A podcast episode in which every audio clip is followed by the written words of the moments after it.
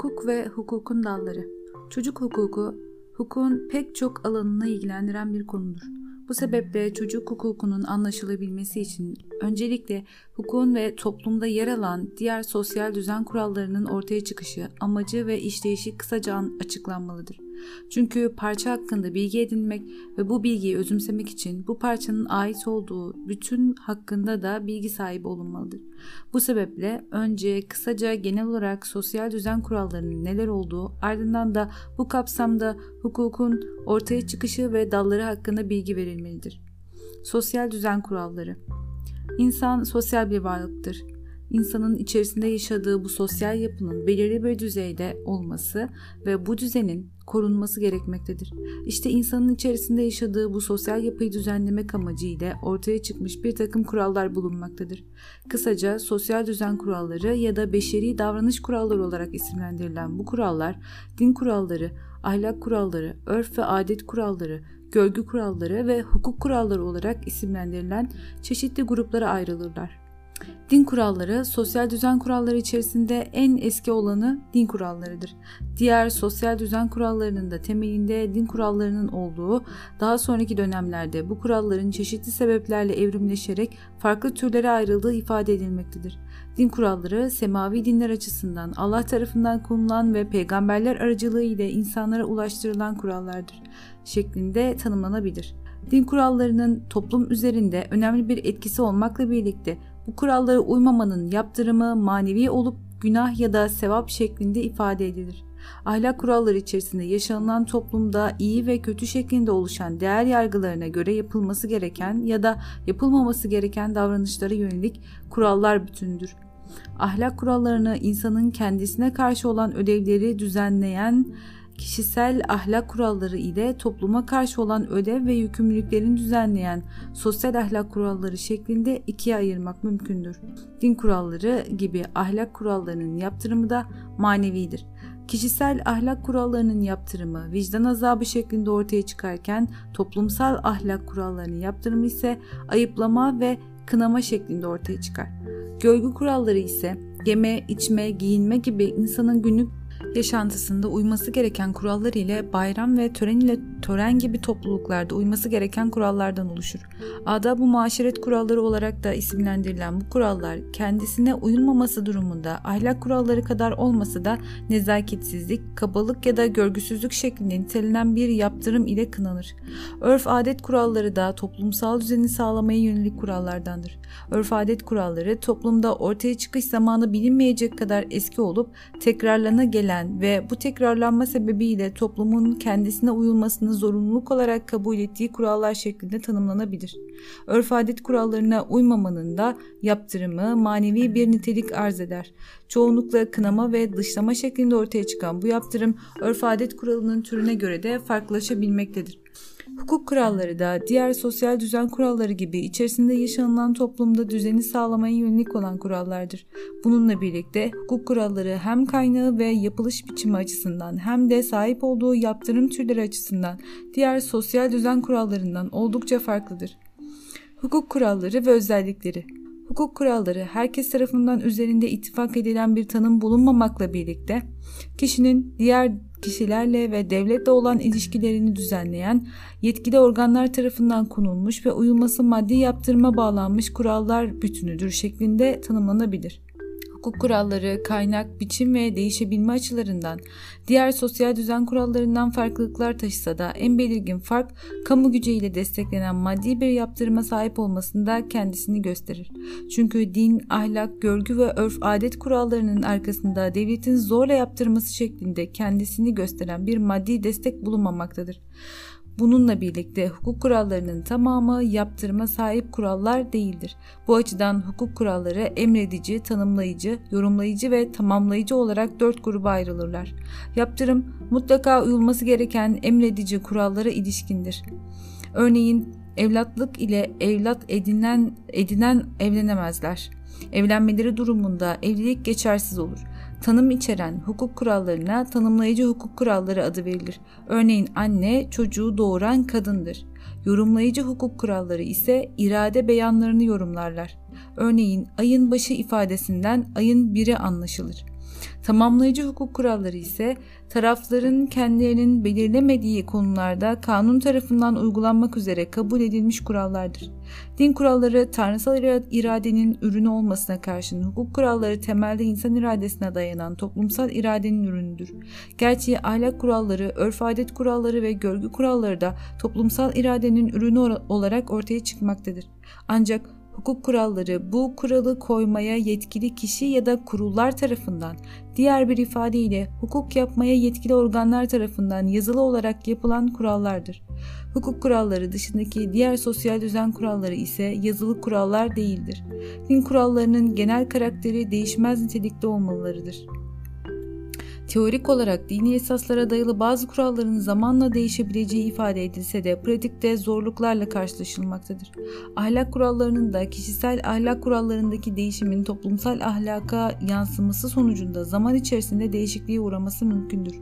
Bu dönemde ahlaka aykırı olarak kabul edilen bir davranış modelinin zamanın değişmesiyle toplum tarafından benimsenmesi sonucunda ahlaka uygun hale gelmesi mümkündür. Hukuk kuralları ise diğer sosyal düzen kurallarından farklı olarak daha kolay değişebilen kurallardır. İnsan aklının ve iradesinin ürünü olması, ihtiyaç duyulduğunda söz konusu hukuk kuralını yapan organın devreye girmesiyle hukuk kuralı değişebilmektedir. Bununla birlikte bu değişikliklerin ihtiyaç duyulan zamanlarda yapılması ve ihtiyaçlarla sınırlı olması hukuka duyulan güven açısından önemlidir. Hukuk kurallarında gereksiz ya da sık yapılan değişiklikler hukuka duyulan güveni sarsar. Hukukun bölümleri ve dalları Türk hukuku, Roma hukukunun devamı niteliğindeki Kara Avrupası hukuk sisteminin bir parçasıdır. Kökeni Roma hukukuna dayanan Kara Avrupası hukuk sistemi üç huk büyük hukuk sisteminden birisidir. Diğer iki hukuk sistemi ise İslam hukuk sistemi ve Anglo-Sakson hukuk sistemleridir. İslam hukuk sistemi bazı Orta Doğu ülkeleriyle İran'da ve kısmen de Asya'daki bazı ülkelerin eyaletlerinde uygulanmaktadır. Anglo-Sakson hukuk sistemi ile Amerika Birleşik Devletleri, İngiltere ve sömürgecilik döneminin etkisiyle bazı eski İngiliz hakimiyeti altında olan ülkelerde uygulanmaktadır. Roma hukuk sistemi M.Ö. 753 yılında Roma Site Devleti'nin Civitas kurulması ile oluşmaya başlamıştır. Kökeni dini kurallara ve örf adet kurallarına bağlı olan bu hukuk zaman içerisinde seküler hale gelmiştir. İlk zamanlarda devlet mekanizmasının çok basit olması sebebiyle özel hayata çok karışmayan, az miktarda toplumsal kurallar içeren Roma hukuku, devlet çarkının genişlemesiyle topluma ve devlete ilişkin kurallar açısından zenginleşmeye başlamıştır. Bir süre sonra hukuk kuralları kişilerin kendileri arasındaki ilişkilere uygulanan özel hukuk kuralları ve toplumun geneliyle kişilerin devletle olan ilişkilerine uygulanan kamu hukuku kuralları şeklinde ikiye ayrılmıştır. Bu gelişim süreci içerisinde devlet öncelikle toplumsal düzeni sağlamak adına ceza hukuku alanında kurallar getirerek hukuk faaliyetine başladığı söylenebilir. Yine yargılama hukukuna ilişkin kuralların da bir taraftan ceza hukukuna ilişkin kuralların diğer taraftan da özel hukuka ilişkin kuralların yanında yapıla geldiği ifade edilebilir. Roma devletinin gerek coğrafi açıdan gerekse nüfus açısından genişlemesi ve gelişmesiyle birlikte idari anlamda da yeni kurallar ve yapılanmalar meydana gelmiştir. Zaman içerisinde Roma devletinin siyasi yapısındaki değişikliklerin de etkisiyle idari hukuku olarak ortaya çıkacak olan hukukun temellerinin atıldığı dikkati çekmektedir. Bu süreç içerisinde devlet çarkının genişlemesi ve devletin görevlerinin genişleyerek çeşitlenmesi devamlı olarak gelir elde etmesini zor, zorunlu kılmış ve bugün vergi hukuku olarak isimlendirilen alanın temelleri atılmıştır. Roma devletinin siyasi olarak çeşitli dönemlere ayrılması, her bir siyasi dönemde devlete hakim olan kurumların ve kuralların oluşması da bugün anayasa hukuku olarak isimlendirilen hukuk alanına karşılık gelmektedir. Yukarıda bahsedilen alanlarının genel karakteri devleti ve toplumun temelini önceleyen, bunları bireye karşı üstün gören, dolayısıyla toplumun yararını bireysel yararın önünde tutan bir anlayıştır. Toplumun genelini ilgilendiren kurallar olması sebebiyle bu kuralların bütününe kamu hukuku adı verilir. Kişilerin kendi aralarındaki hukuki ilişkiler ise örf adet kuralları ile din kurallarının etkisinde ve tarım ekonomisinin sonucunda ortaya çıkmış birkaç sözleşme ilişkisiyle nişanlanma, evlenme, evlat edinme gibi aile hukukuna ve bunların uygulanmasına yönelik yargılama hukukuna ilişkin kurallardan ibaretti. Yine Roma devletinin nüfus, coğrafya ve kültür açısından gelişmesi sonucunda söz konusu ilişkilerde de gelişti ve çoğaldı. Eski dönemlerde bilinmeyen yeni sözleşme türleri, mülkiyet hakkına ilişkin sınıflamalar, sınırlamalar ve yeni uygulamalar ortaya çıktı. Bu gelişmeler sonucunda kişilerin kendi aralarındaki özel ilişkilerine yönelik yeni alanlar belirmeye başladı. Bu süreç tarım ekonomisine bağlı olarak uzun bir süre kendi içerisinde gelişerek sanayi devrimine kadar geldi. Sanayi devrimiyle birlikte söz konusu alan daha hızlı gelişmeye ve değişmeye başladı. Sanayi devrimiyle birlikte yeni sözleşme türleri ortaya çıktı. Teknolojideki gelişmeleriyle birlikte sorumluluk hukukunda gelişmeler yaşandı. Tapu sisteminin gelişmesi ve genişlemesiyle birlikte eşya hukuku bundan etkilendi. Yeni sermaye anlayışı ile yeni şirket türleri, kağıt ve kaydi para ile birlikte kıymetli evrak türleri ortaya çıktı. Ticaret hukuku bağımsız bir hukuk alanı olarak alt dalları ile birlikte kendine yer edindi. Yüzyıllar boyu başkası için onun talimatlarına bağlı olarak çalışma şeklinde ifade edilebilecek olan hizmet ilişkisi, köleliğin kalkıp yerine işçi sınıfının gelmesiyle birlikte iş hukuku olarak isimlendirilecek yepyeni bir alanın doğmasıyla kurumsallaştı. 1917 Bolşevik devrimiyle işçi hareketleri siyasi bir kimlik de kazandı. İş hukukunun bu yönü sendikalar hukuku olarak gelişmeye başladı. Toplu iş hukuku olarak isimlendirilecek yeni bir alan ortaya çıktı. İşte genel olarak özetlediğimiz Roma Site Devleti hukuku ile başlayan bu süreç yaklaşık 2750 yıllık serüvenin sonucunda günümüze kadar geldi. Bugün baktığımızda hukuku kamu ve özel hukuk olarak iki ana bölüm halinde görmekle birlikte bazı hukuk dallarının ağırlıklı olarak özel ya da kamu hukuku içerisinde yer alsa bile karma nitelik taşıdığını da belirtmek gerekir. Kamu hukuku olarak isimlendirilen alanda anayasa hukuku, idare hukuku, ceza hukuku, vergi hukuku gibi alanların yer aldığı görülmektedir. Özel hukuk olarak isimlendirilen diğer alanda ise kişiler hukuku, aile hukuku, eşya hukuku, miras hukuku ve borçlar hukuku alanlarından oluşan medeni hukuk eskiden borçlar hukukunun altında yer almakla birlikte şimdi yarı bir kimlik kazanmış olan ticaret hukuku yine eskiden borçlar hukukunun içerisinde yer almakla birlikte şimdi bağımsız bir kimlik kazanmış olan ve gelişimini hızla sürdüren iş hukuku, medeni yargılama hukuku ile icra ve iftas hukuku alanları yer alır. Devletler arası ilişkilerin incelendiği devletler genel hukuku, kamu hukuku içerisinde yer alırken taraflarından birisini yabancı bir ülke vatandaşının oluşturduğu hukuki ilişkilere ilişkin sorunların incelendiği devletler özel hukuku ise özel hukuk alanında yer almaktadır.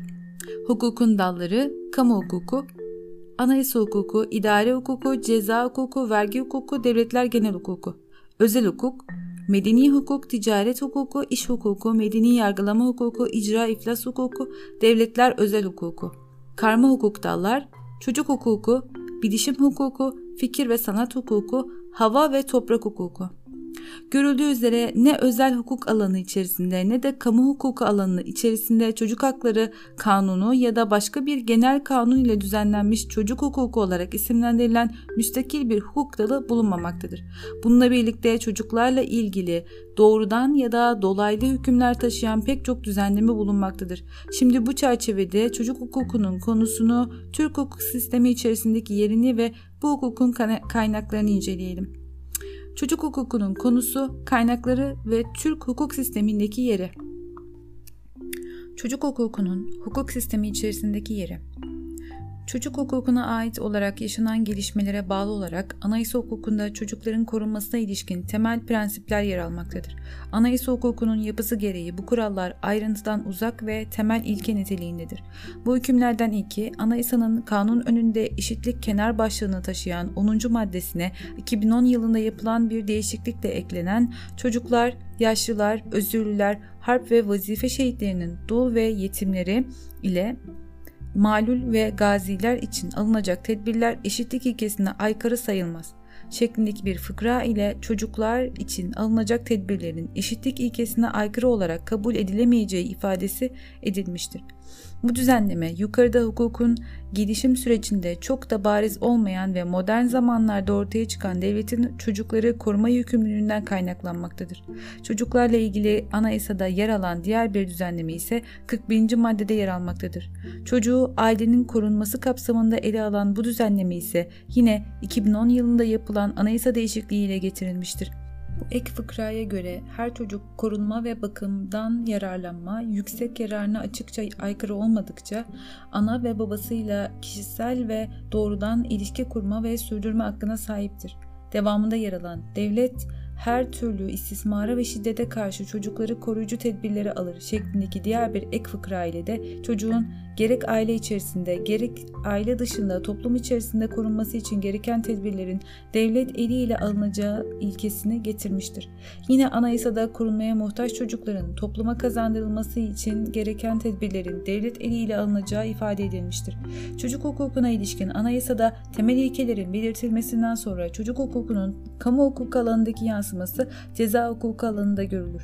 Çocukların işledikleri suçlardan dolayı cezai sorumluluklarının nasıl olduğu, hangi yaş yaştan itibaren yargılanabilecekleri, çocuklara ilişkin uygulanabilecek güvenlik tedbirleri, cezalar ve cezalarda yapılacak indirimler çocukların suçun faili olmaları durumunda karşılaşılacak çocuk hukuku konularıdır. Çocukların ceza hukukunda suçun mağduru ya da suçtan etkilenen olmaları açısından ise çocuklara karşı işlenen suçlar ile özellikle çocuk istismarı ve bu suçlarla mücadele yolları yine çocuk hukukunun en ilgi çekici konuları içerisinde yer alır. Çocuk ile ilgili yapılan idari işlem türleri ve özellikle çocukların eğitimi ve sağlığı alanında yapılan genel düzenleyici işlemler çocuk hukukunun idari hukuku ile ilgili yönünü oluşturur. Uluslararası hukuk açısından bakıldığında savaş ve tabii afetler gibi sebepler ile gerçekleşen göçlerden en çok etkilenen çocuklardır. Göç edilen ülkenin vatandaşı olmadıkları için milli hukuk ile çözülemeyen sorunlar uluslararası hukukta göz önünde bulundurularak çözülmeye çalışılmaktadır.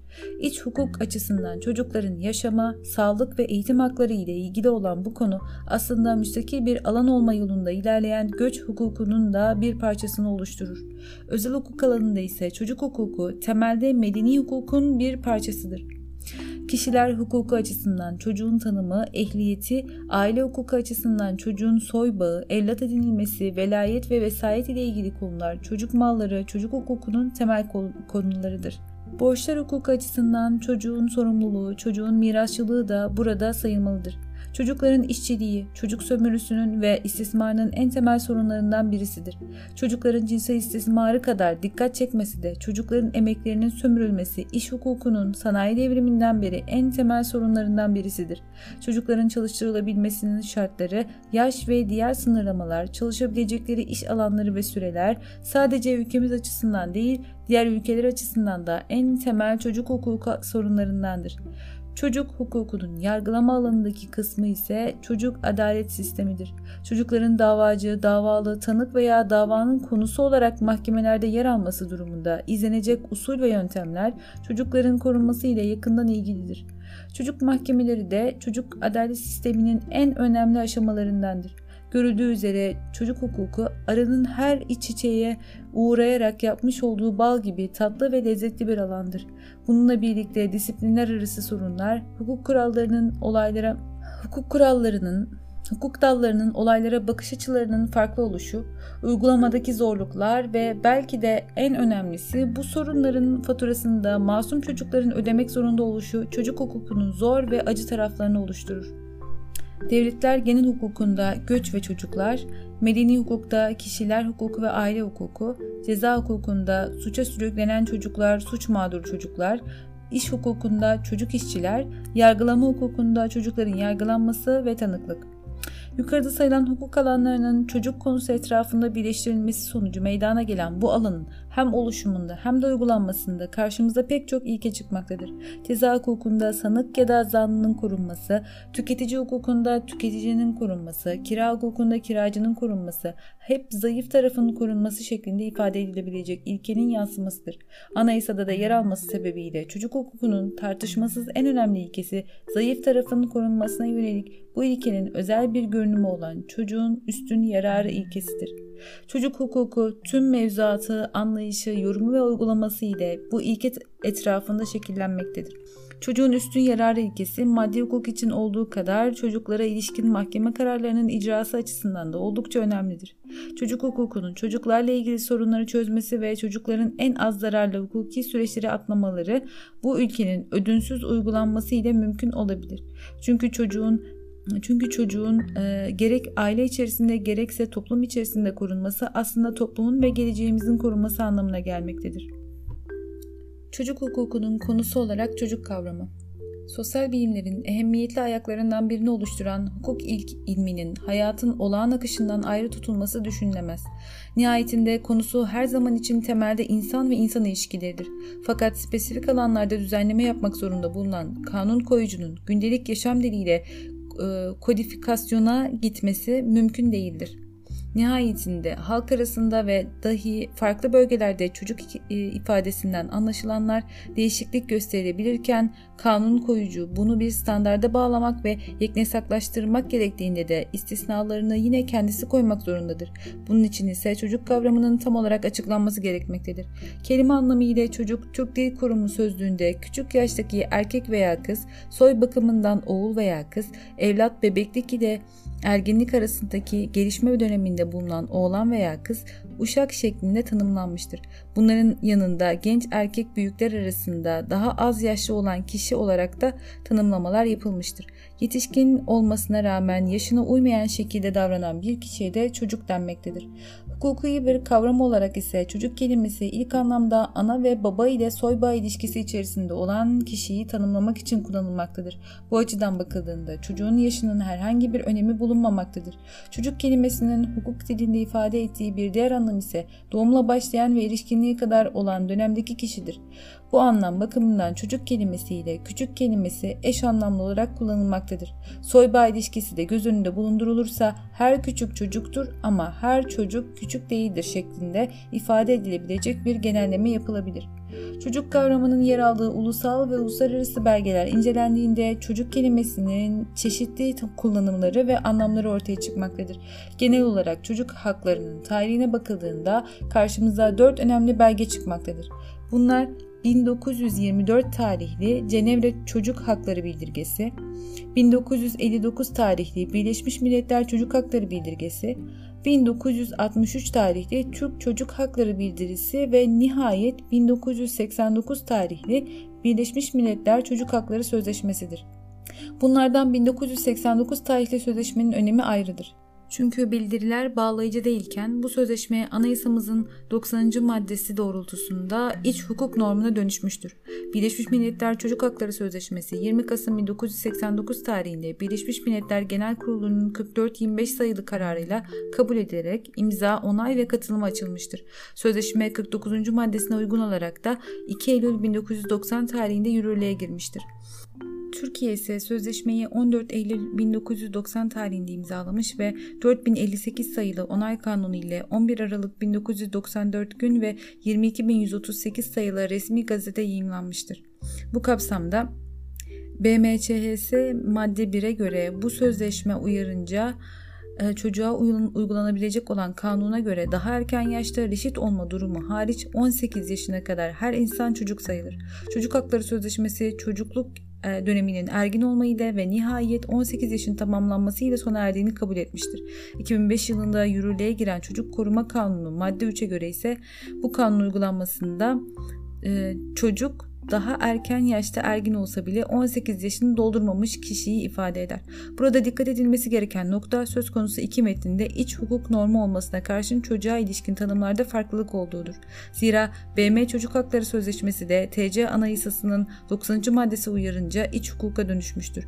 Yukarıda verdiğimiz iki maddede de çocuğun tanımı yapılmış fakat BM Çocuk Hakları Sözleşmesi'ne göre çocuk kendisine uygulanacak kanuna göre daha erken reşit olma durumu hariç tutularak 18 18 yaşına kadar olan her insan e, olarak tanımlanmışken çocuk koruma kanununa göre ise daha erken yaşta ergin olması hariç tutulmamış ve 18 yaşından büyük herkes çocuk kabul edilmiştir. Bu demek oluyor ki ülkemizde sözleşmedekine nazaran daha geniş bir çocuk kavramı benimsenmiştir. Dolayısıyla erginlik yaşı 18'e ulaşmamış olan çocuk mahkeme kararı veya evlenme yoluyla erginlik kazanmış olsa bile çocuk koruma kanunundaki hükümlerden yararlanabilecektir.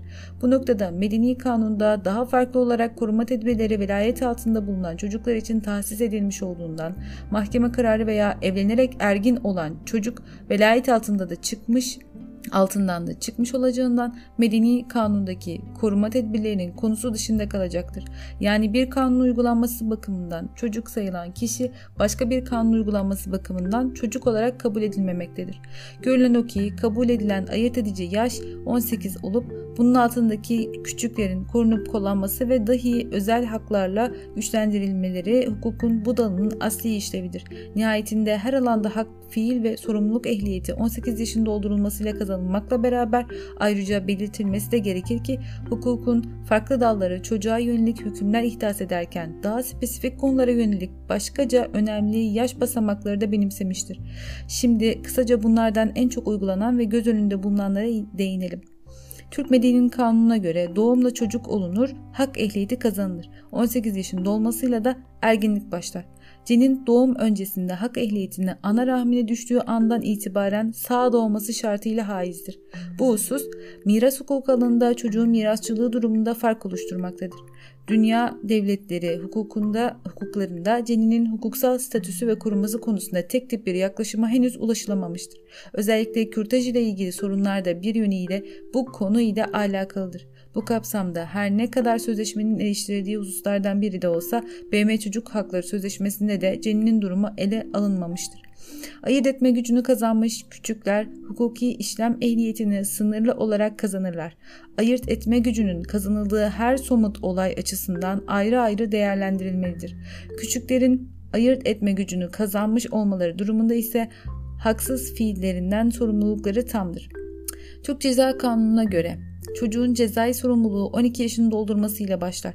Bu yaşa kadar ancak güvenlik tedbirleri uygulanabilirken 12 yaşını doldurduktan itibaren 15 yaşını dolduruncaya kadar olan dönemdeki çocuklar için duruma göre ceza sorumluluğu yok ya da var kabul edilebilir. Buna göre ceza sorumluluğu yok kabul edilirse çocuklara özgü güvenlik tedbirlerine başvurulabilir. Cezai sorumluluğun olduğu kabul edilecek olursa çocuğun suçtan indirimli olarak hüküm giymesi söz konusu olacaktır. 15 yaşın doldurulmasından itibaren 18 yaşın dolduruluncaya kadar olan süreçteki e, çocukların suç işlemesi durumunda ise cezalardan indirim yapılır. Medeni kanuna göre gerekli düşünsel olgunluğa erişmiş çocukların velayet ve vesayet konusu olduğunda düşüncelerine başvurulması, görüşlerin dinlenmesi söz konusudur. Tam olarak bir yaş belirtilmese de ergenlikle de birlikte düşünülerek bu dönemin 12-14 yaşlarında başladığı belirtilebilir. Bu konuda çocuk gelişimi ve okul öncesiyle ilgili eğitim almış kişilere önemli görevler düşmektedir. Çocuğun kendi iradesinin bu doğrultuda olması ve ailesinin de oluru ile mahkemece ergin kılınabilmesi için 15 yaşını doldurmuş olması gerekir. Sonuçları bakımından ağır bir sorumluluğu gerektiren bir karar olması sebebiyle belirli bir olgunluğa ulaşmak gereklidir. Dernekler kanununa göre ayırt etme gücüne sahip 15 yaşını bitirmiş küçükler yasal temsilcilerinin yazılı izniyle çocuk dernekleri kurabilir ve dahi üye olabilirler. Medeni kanuna göre ölüme bağlı tasarruflardan vasiyetname yapabilmek için 15 yaşını doldurmuş ve ayırt etme gücüne sahip olmak gerekir. Hakim tarafından 16 yaşını doldurulması halinde olağanüstü durumlarda çocuğun evlenebilmesine izin verilebilir. Bu konuda takdir yetkisi hakimde olup karar verirken çocuğun üstün yararı göz önünde tutulmalıdır. Evlenme ehliyetini ise kanuni temsilcinin rızası ile kullanabilecek şekilde de olsa 17 yaşında kazanır.